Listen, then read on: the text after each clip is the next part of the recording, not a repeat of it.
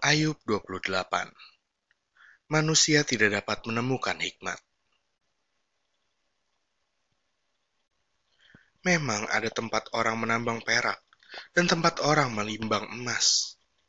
Besi digali dari dalam tanah dan dari batu dilelehkan tembaga.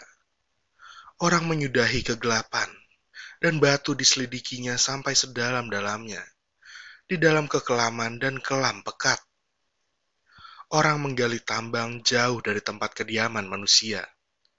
Mereka dilupakan oleh orang-orang yang berjalan di atas. Mereka melayang-layang jauh dari manusia. Tanah yang menghasilkan pangan, di bawahnya dibongkar bangkir seperti oleh api.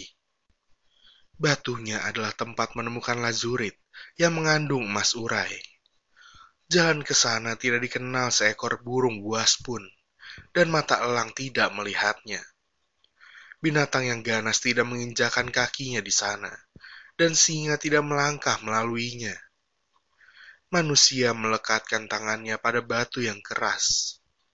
Ia membongkar bangkir gunung-gunung sampai pada akar-akarnya. Di dalam gunung batu ia menggali terowongan, dan matanya melihat segala sesuatu yang berharga. Air sungai yang merembes di bendungnya, dan apa yang tersembunyi di bawahnya ke tempat terang. Tetapi di mana hikmat dapat diperoleh? Di mana tempat akal budi? Jalan ke sana tidak diketahui manusia, dan tidak didapati di negeri orang hidup. Kata samudera raya, ia tidak terdapat di dalamku. Dan kata laut, ia tidak ada padaku.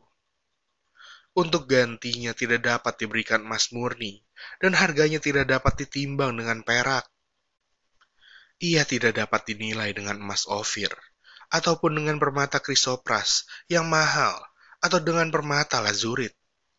Tidak dapat diimbangi oleh emas atau kaca, ataupun ditukar dengan permata dari emas tua. Baik gewang, baik hablur, tidak terhitung lagi. Memiliki hikmat adalah lebih baik daripada mutiara. Permata krisolit Ethiopia tidak dapat mengimbanginya ia tidak dapat dinilai dengan emas murni. Hikmat itu dari manakah datangnya?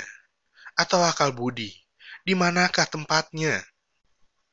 Ia terlindung dari mata segala yang hidup, bahkan tersembunyi bagi burung di udara. Kebinasaan dan maut berkata, hanya desas-desusnya yang sampai ke telinga kami. Allah mengetahui jalan ke sana, ia juga mengenal tempat kediamannya. Karena ia memandang sampai ke ujung-ujung bumi dan melihat segala sesuatu yang ada di kolong langit.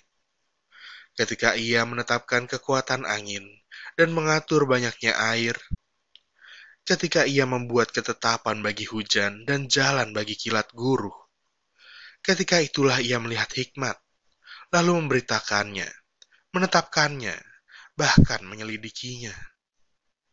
Tetapi kepada manusia ia berfirman, Sesungguhnya, takut akan Tuhan itulah hikmat, dan menjauhi kejahatan itulah akal budi.